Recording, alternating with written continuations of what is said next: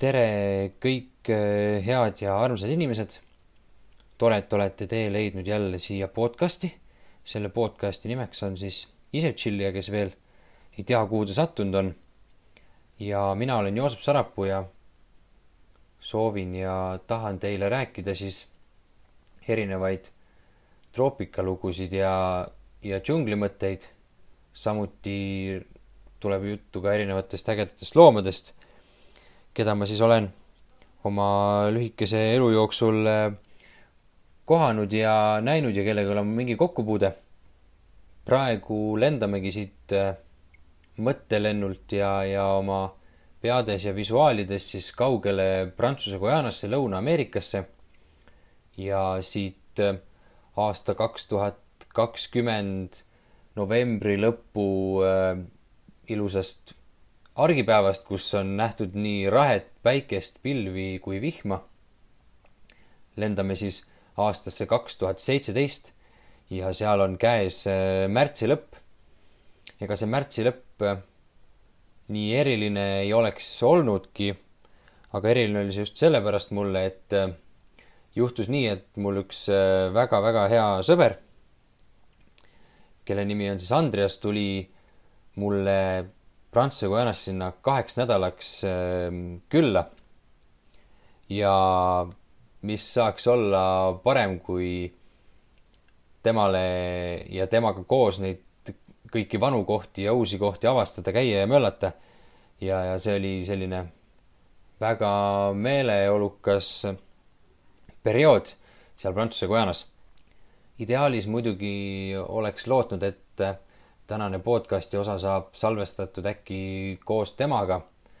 aga kahjuks eh, erinevate asjaolude tõttu see nii ei ole, võib-olla tuleb kunagi hiljem see saade siis eh, veel uuesti linti ja kuuleme tema mõtteid ka sellest Prantsuse Guyanast ja, ja sellest väikesest metsalotsist seal kaugel-kaugel džunglisügavustes aga esimeseks asjaks, mis me ette võtsime, kindlasti ära tahtsime teha, oli siis äh, metsas äh, ööbimine võrkkiikide, moskiitovõrkudega ja väikese lõkkega. kuna oli selline vihmane aeg, siis me hommikul, kui vihma sadas, mõtlesime, et me ootame veidikene, et äkki läheb ilusamaks. ja et saame siis võib-olla kuiva nahaga äh, ööbimiskohta jõuda. juhtuski nii, et mingi hetk läks vihm järgi, aga see juhtus võib-olla umbes kümneks või viieteistkümneks minutiks. ja pärast seda saime siis äh, läbi märjaks ja me läksime siis sinna kullakaevanduse juurde ööbima, sellepärast et siis ei pidanud võtma kaasa mingisuguseid vihmakatteid, vaid saime seal nende hoonete katuste all äh, öö veeta. aga noh, sinna jõudes me olime niikuinii juba läbi märjad, et pigem tegelesime ainult äh, asjade kuivatamisega ja lõkke tegemise ja süüa tegemisega. aga vahepeal seal kullakaevanduse juurde minnes siis käisime, vaatasime üle ka selle Fosca anakondade joa, millest äh, siin ka mõni saade tagasi juttu oli, et käisime seal mööda jõge ja proovisime siis ähm, jah, liaanidega üle jõe sõita ja kukkusime vette ja, ja tegime sellist pulli. Igatahes äh, mulle täiega tundus, et äh, talle meeldib seal selles keskkonnas viibida ja ja möllata. ja kui me siis jah, lõpuks siis jõudsime sinna kullakaevandusse, siis äh, seal oli ka väike oja ja me olime niikuinii läbi märjad, et läksime sinna puhkama mõnusasti ja tegime väikest lõket seal kaldal ja süüa. ja kuulasime neid hääli, mis siis veel kaugemal džunglis, kui ma varem olen olnud, siis öösel ja õhtul hämaruses äh, tekkima hakkasid.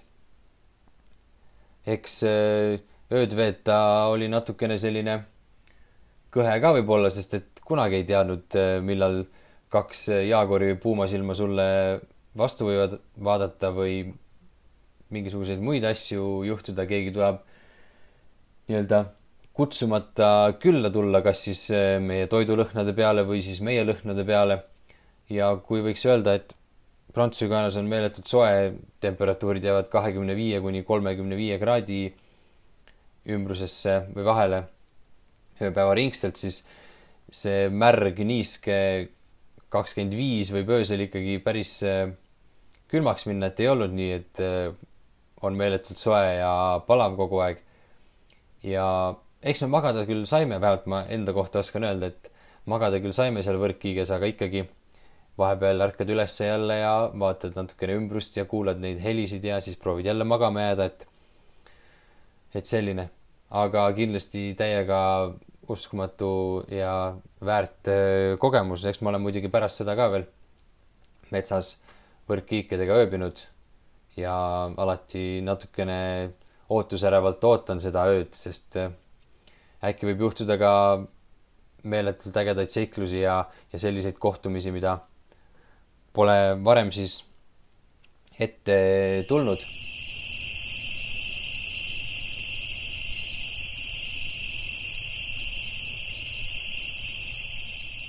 hommikul muidugi ärkasime päris äh, varakult üles koos päiksega ja hakkasime siis tagasi tulema, aga lihtsalt öösel sadas vihma samamoodi ja kõik oli selline niiske ja ja sihuke läila, ma ei tea, kas see selline sõna üldse eesti keeles olemas on, aga, aga me higistasime meeletult ja, ja mingi hetk hakkas, hakkasime vaatama, et äkki juhtub nii, et vesi saab otsa või midagi, sest et joogijanu oli kogu aeg meeletult suur, higistasime selle samamoodi välja raskete seljakottidega siis nii-öelda mäest ülesse sinna lotsi juurde jälle tagasi kõndides.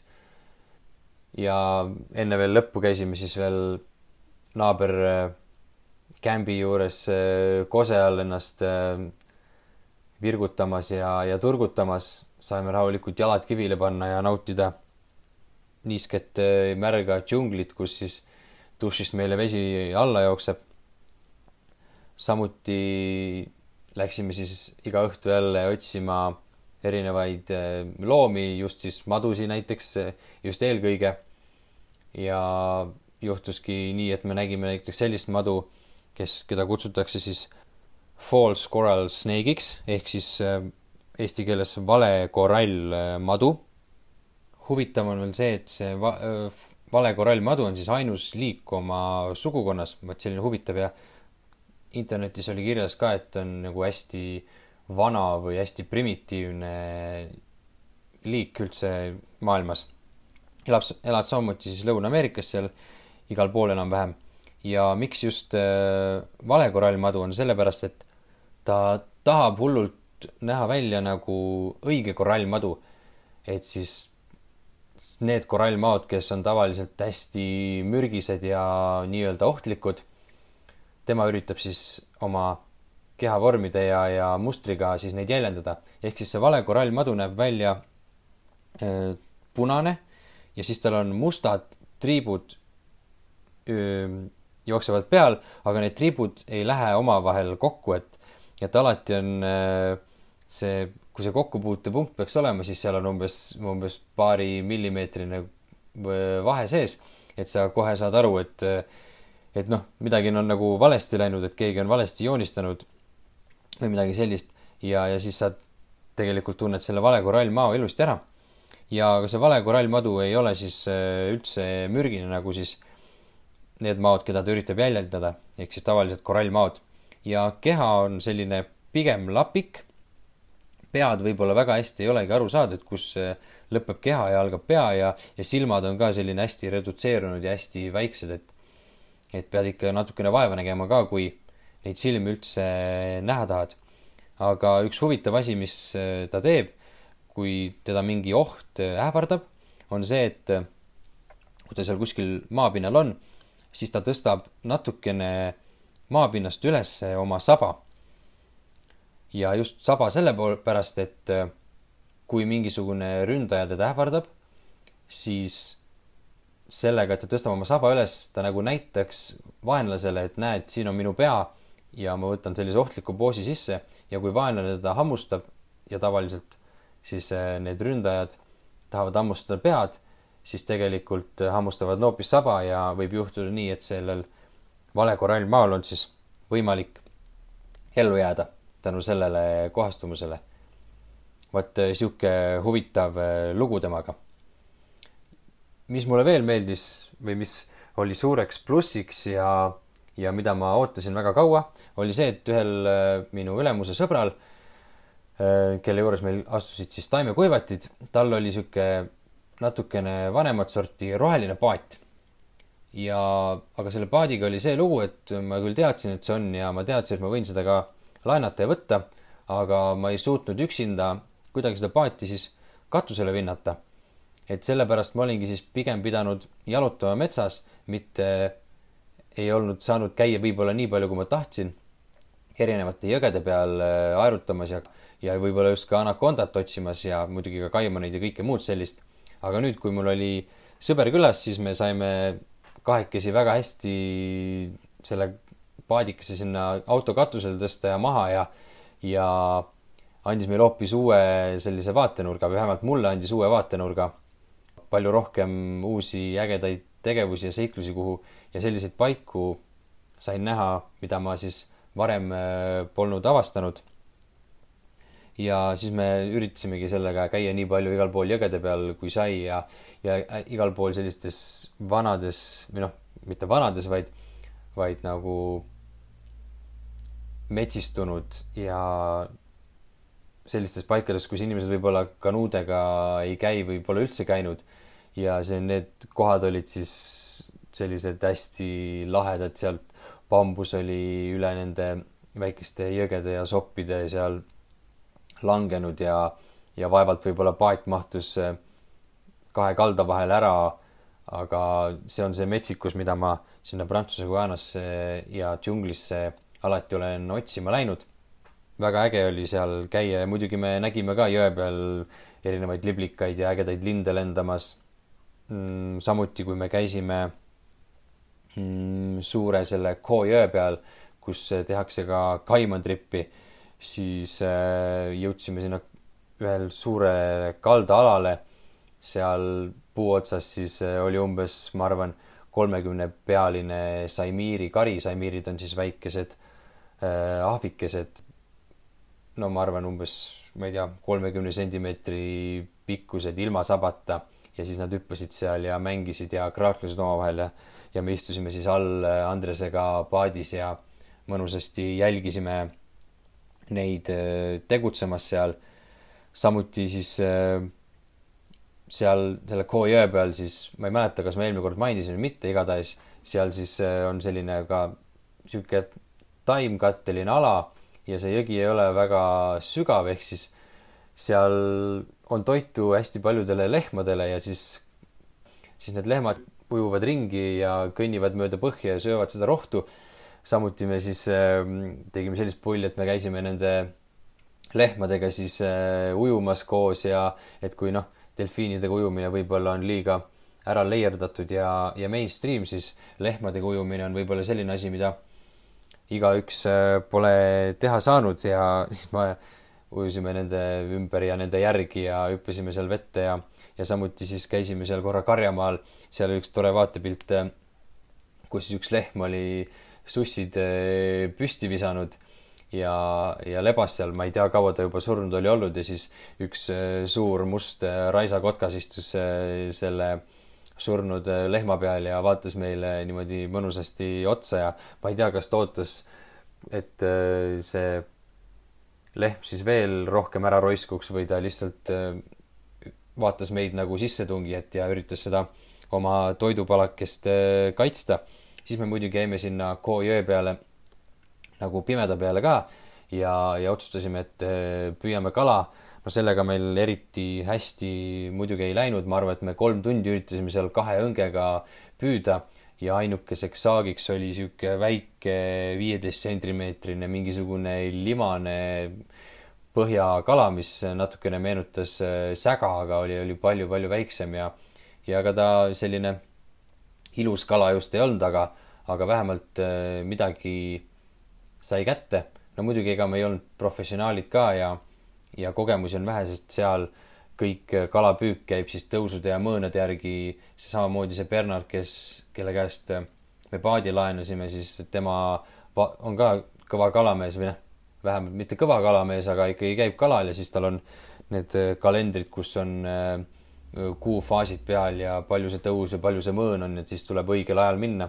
Ja samuti, kui, kui see nii-öelda õige aeg on, siis äh, paljud äh, sillad, mis siis lähevad üle suurte jõgede, need on siis erinevaid äh, kalureid täis, et vahepeal inimesed võib-olla ei leia isegi kohta, kus oma kala püüda, et, et kui lihtsalt see õige aeg satub. Ja noh, muidugi seal vee all võivad olla meetriseid, kahemeetriseid kalu, aga, aga meie olime selle oma väikese viieteist sentimeetrise limakalaga ka päris õnnelikud, vähemalt midagigi. pärast sõime selle muidugi ilusti ära ka ja no maitses nagu valge kala ikka, ega ta midagi erilist ei olnud, aga oma püütud on ikka oma püütud kala. ja, ja samuti õhtul, kui me siis sealt tagasi hakkasime tulema äh, sadamasse nii-öelda või siis selle kohta, kus tee ära lõpeb ja autoparkla on, siis neid äh, kaimanite punaseid silmi ikkagi nägime omajagu ja proovisime ka lähedale minna nagu Kaimantripi vennad, aga, aga enamasti me olime vist liiga rohmakad ja, ja häälekad. et äh, kaimanid läksid enne vee alla minema. aga see selleks, vähemalt äh, nägime neid kaugelt ja natukene ka lähemalt. vaat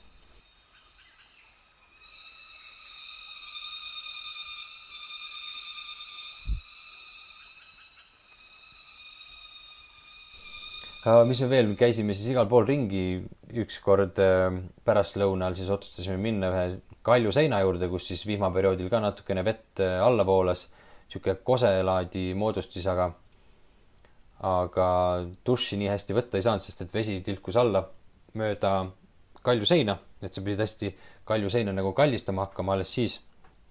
Said tunda vihmavett enda keha peal aga seal juhtus selline huvitav olukord, et ma oleks äh, peaaegu astunud peale siis äh, linnutapikule, kes on siis äh, maailma kõige suurem ämblik, nagu siin mõni osa tagasi ka mainiti, et ja võib kasvada siis kuni taldriku suuruseks ja, ja, ja mida veel? Hästi,, hästi-hästi suur igatahes. ja noh, ta ei ole küll mürgine, aga hammustus võib väga valus olla. Ja ma astusin peaaegu noh, ma arvan, et umbes viis senti jäi ta kehast puudu, et ma oleks talle peale astunud ja tar-, tarantlitel üldiselt ja mõnedel teistel ka suurematel ämblikutel on siis äh, selline kohastumus, et äh, nad ajavad, kui neid ohte ähvardab, ajavad kaks esijalga hästi kõrgele püsti ja paljastavad nagu oma kihvad, et nad on sellised hüppe ja ründevalmis. ja ma ise hüppasin sealt võib-olla veel kiiremini ära, kui tarantel oleks minu, mind, mind hammustama hakanud aga see oli ka päris äge vaatepilt, ehm, kuidas ta oma seal kaks eh, esijalga püsti ajab ja sellises ähvarduspoosis on, et see esimese hooga näeb eh, päris võigas ja julm eh, välja. aga meile oli see väga üllatav ja lahe ja, ja muidugi tegime sellest ka pilti. samuti kasutasin ära nagu eelmises osas selle mürgise maa pildistamiseks oma machetet ja siis seda püksinööri, millega ma siis oma telefoni sidusin machete külge ja, ja siis panin taimeri peale. mis oli veel jube äge, mis, mille peale ma kahjuks ise varem ei olnud tulnud, aga Andres tuli uute ideedega. nimelt me kõik oleme näinud Tarzani filmi ja eks me ise olime ka või lootsime olla natukene rohkem Tarzanit seal vihmametsas. ning siis me hakkasime otsima siis liaane, millega liaanisõitu teha ja küll me siis äh, ronisime puu otsa, et äh, raiuda neid liaane meile sobivateks äh, pikkusteks. ja, ja siis nendega sõitsime, noh, ma arvan, et oli mingi kakskümmend eri liaani, millega me proovisime sõita, mõned meeldisid meile rohkem, mõned meeldisid vähem.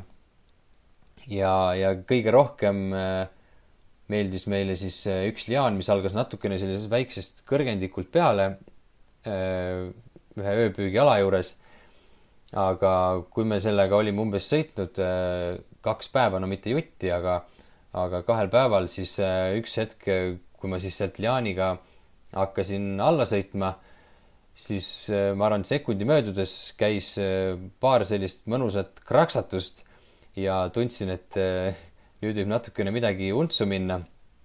lasin sellest liaanist lahti, lendasin päris kaugele ja otse ette niimoodi õigel ajal ja, ja minuga õnneks midagi ei juhtunud, aga, aga mis siis juhtus, oli see, et ülevalt puu otsast tuli alla kaks sellist suurt mehist oksa, mille alla kindlasti ei oleks jääda soovinud. ja aga meile tegi see sellel hetkel palju hoopis rohkem nalja ja oli selline äge moment just. ja siis me õnneks leidsime või noh, pidime leidma järgmise liaani, kus äh, me siis, äh, millega me saaksime siis sõita ja, ja eks me neid vahepeal ikkagi leidsime ka ja, ja mõni isegi aastal kaks tuhat üheksateist oli veel seal olemas ja, ja tegin vanade aegade mälestuste, mälestuseks siis äh, ise paar sõitu ja, ja näitasin oma reisigrupile ka ja kes tahtis, sai siis ka samamoodi liaanidega mõnusasti sõita, et pärast vaadake siis Instagramist või Facebookist ka erinevaid pilte nii päeval, päeval kui öösel sellest, nendest eh, liaanisõitudest. vot ja kui kindlasti tekib võimalus, eh, siis tulge kas minuga liaanidega sõitma või, või minge ise, et Jungle Highway nagu öeldakse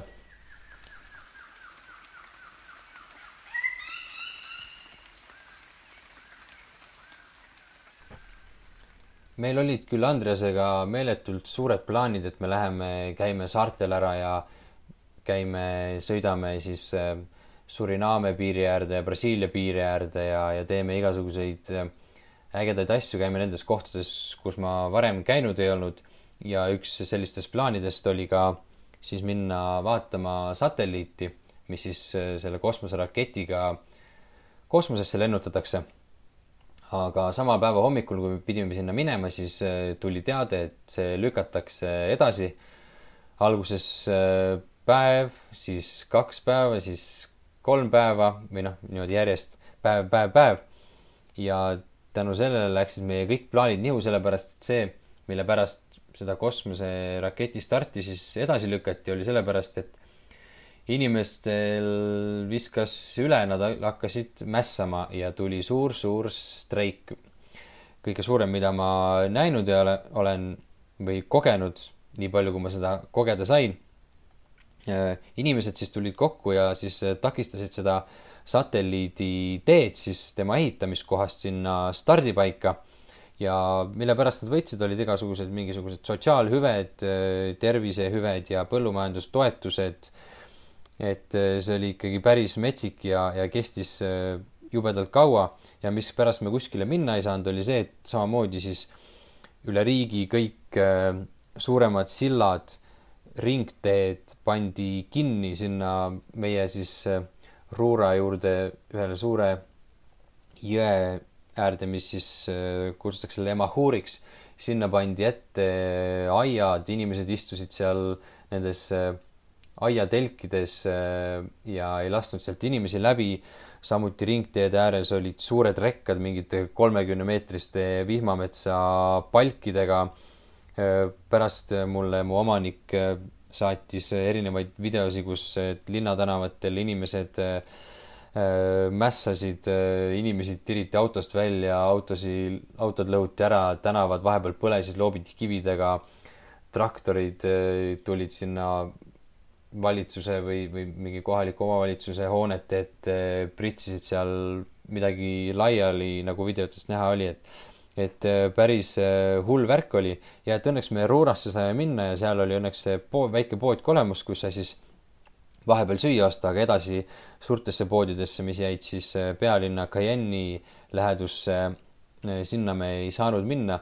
Ja samuti nägime videosi, kus nagu poest sai kaup otsa ja kui sinna mingid kartulid tulid, siis inimesed lihtsalt meeletul hulgal, ma ei tea, kahekümnekesi olid äh, erinevate kartuli euroaluste juures ja rebisid neid ja, ja läksid üksteist, ähm, üksteisega kaklema, igal pool olid meeletult suured järjekorrad, sellepärast et äh, inimesed lihtsalt ei pääsenud kuskile ja kui pääsesid, siis äh, pididki ootama. näiteks kui isegi suured konteinerid, laevakonteinerid, mis pidid siis näiteks emamaalt või kuskilt mujalt äh, erinevaid kaupu sisse tooma, need kõik lihtsalt seisid seal vetes ja ootasid, kuni antakse võimalus siis oma kaup maha laadida ja väga paljud isegi pöördusid tagasi ja, ja selline väga hull ja, ja keeruline aeg oli äh, kõigi jaoks ilmselt.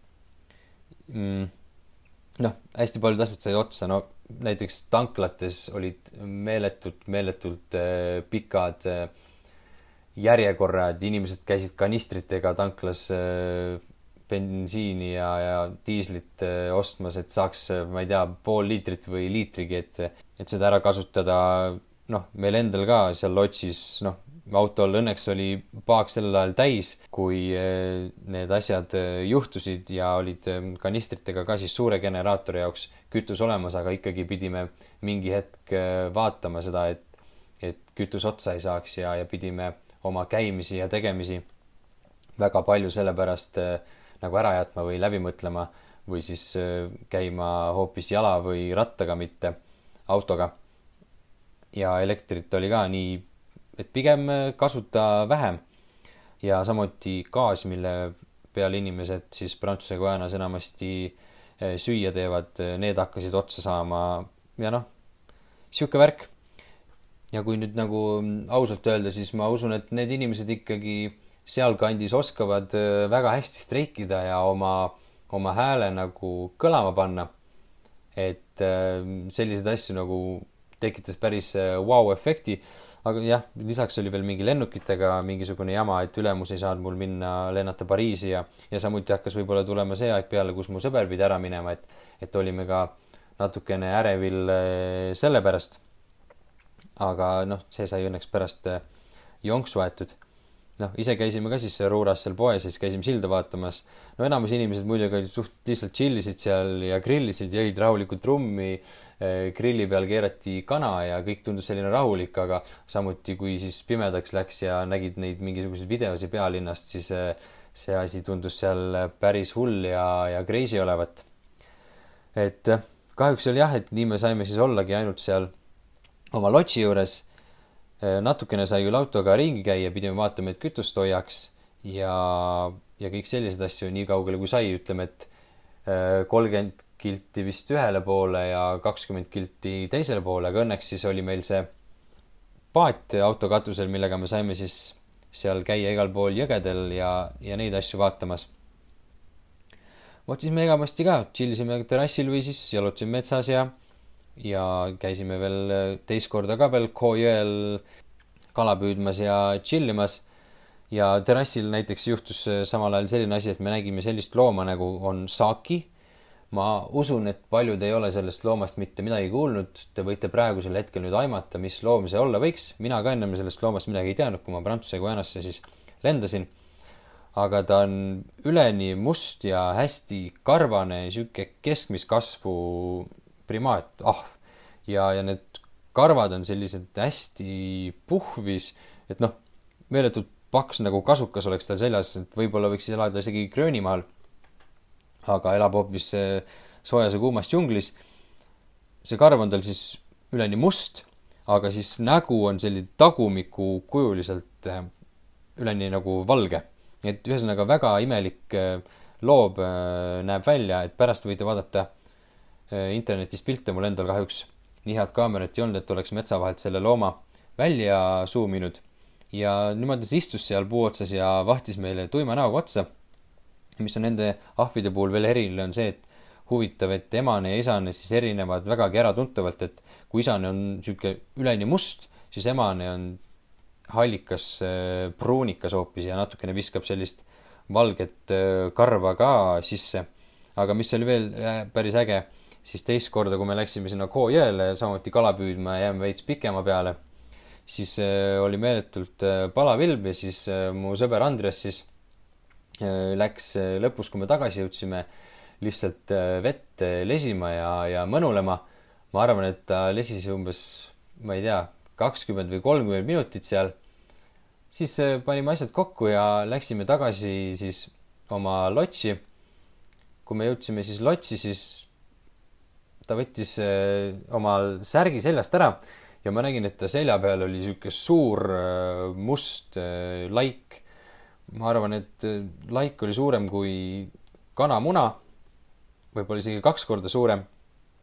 täpselt ei oska niimoodi praegust öelda. ja siis ma vaatasin, et see, ma vaatasin, mingi leht on või midagi sellist, alguses hakkasin noh, et ma tulema pühin ära, aga mida lähemale jõudsin, seda ma sain, siis ma sain aru, et tegemist oli hoopis meeletult suure kaaniga, kes oli siis Andrease keha külge ennast äh, selle jões lesimise ajal ähm, kinni haakinud. siis me üritasime seda ära tõmmata. no põhimõtteliselt tegemist ei olnud sellise äh, apteegikaaniga, kes äh, oleks meeletult verd imenud, vaid kui me selle kaani sealt ära tõmbasime, siis, siis mingisugust haava ega midagi nagu järge jäänud, ehk siis ta võib-olla ei olnud sellest seljanahast siis suutnud ennast läbi hammustada, aga tegemist ongi siis Amazon Giant eh, Leachiga ehk siis Amazonase hiigelkaaniga ja ta oli päris meeletult suur, me panime ta pärast muidugi karpi elama ja üritasime teda küll toita vihmaustide ja sellistega, aga ta ei, väga ei võtnud vedu, aga see oli päris selline vau-efekt, eh, et eh, lehest sai hoopis selline meeletult suur kaan. Andreasel õnnes kas õnnestus siis jõuda oma tavapärasele lennule või siis ka kahjuks, et oleks meeleldi veetnud aega veel ja veel. aga seekord siis äh, läks äh, sedasi. aga olgu, tänaseks ongi võib-olla see ise tšillija aeg otsad äh, kokku tõmmata. järgmises saates võib-olla mul on teile üks väikene üllatus ka, ei tea veel, vaatame, kuidas läheb. aga seniks äh, olge mõnusad ja unistage, lennake ja plaanige võib-olla oma järgmiseid äh, reisegi. aga siis äh, olge mõnusad, tšau